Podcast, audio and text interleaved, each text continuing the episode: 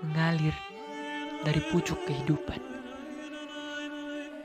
Di sebuah permukaan keras tak melemah. Mengikuti audio yang mengawang.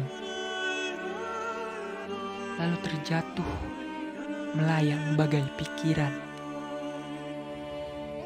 Alih embun yang menyambut pagi datang.